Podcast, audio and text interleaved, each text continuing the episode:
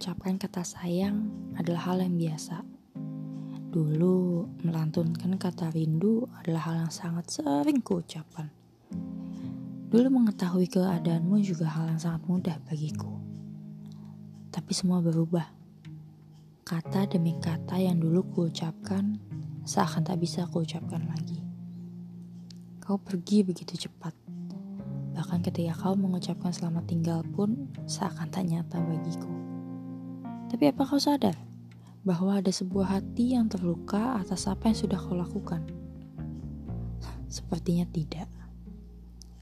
Kau muncul sesekali hanya untuk bertanya atas keperluanmu. Sesekali juga kau bergurau dengan ucapanmu, seakan memberi secerca harapan bagiku untuk kau kembali. Yang, namun nyatanya kau tidak kembali. Kadang aku berharap kisahmu, kisahku, kisah kita yang dulu bisa kembali. Setiap hari ku berdoa kepada Sang Pencipta agar kita bisa kembali lagi.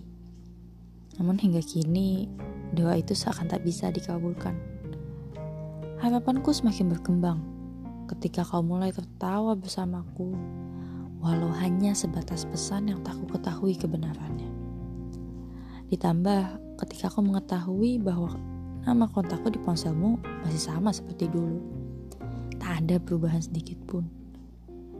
Namun ketika kau hanya membaca pesan terakhirku, harapanku seakan musnah. Pada awalnya kau pergi untuk mengejar pintu cita-citamu. Tapi setelah kau sampai ke pintu itu, kau pun tak melihatku lagi.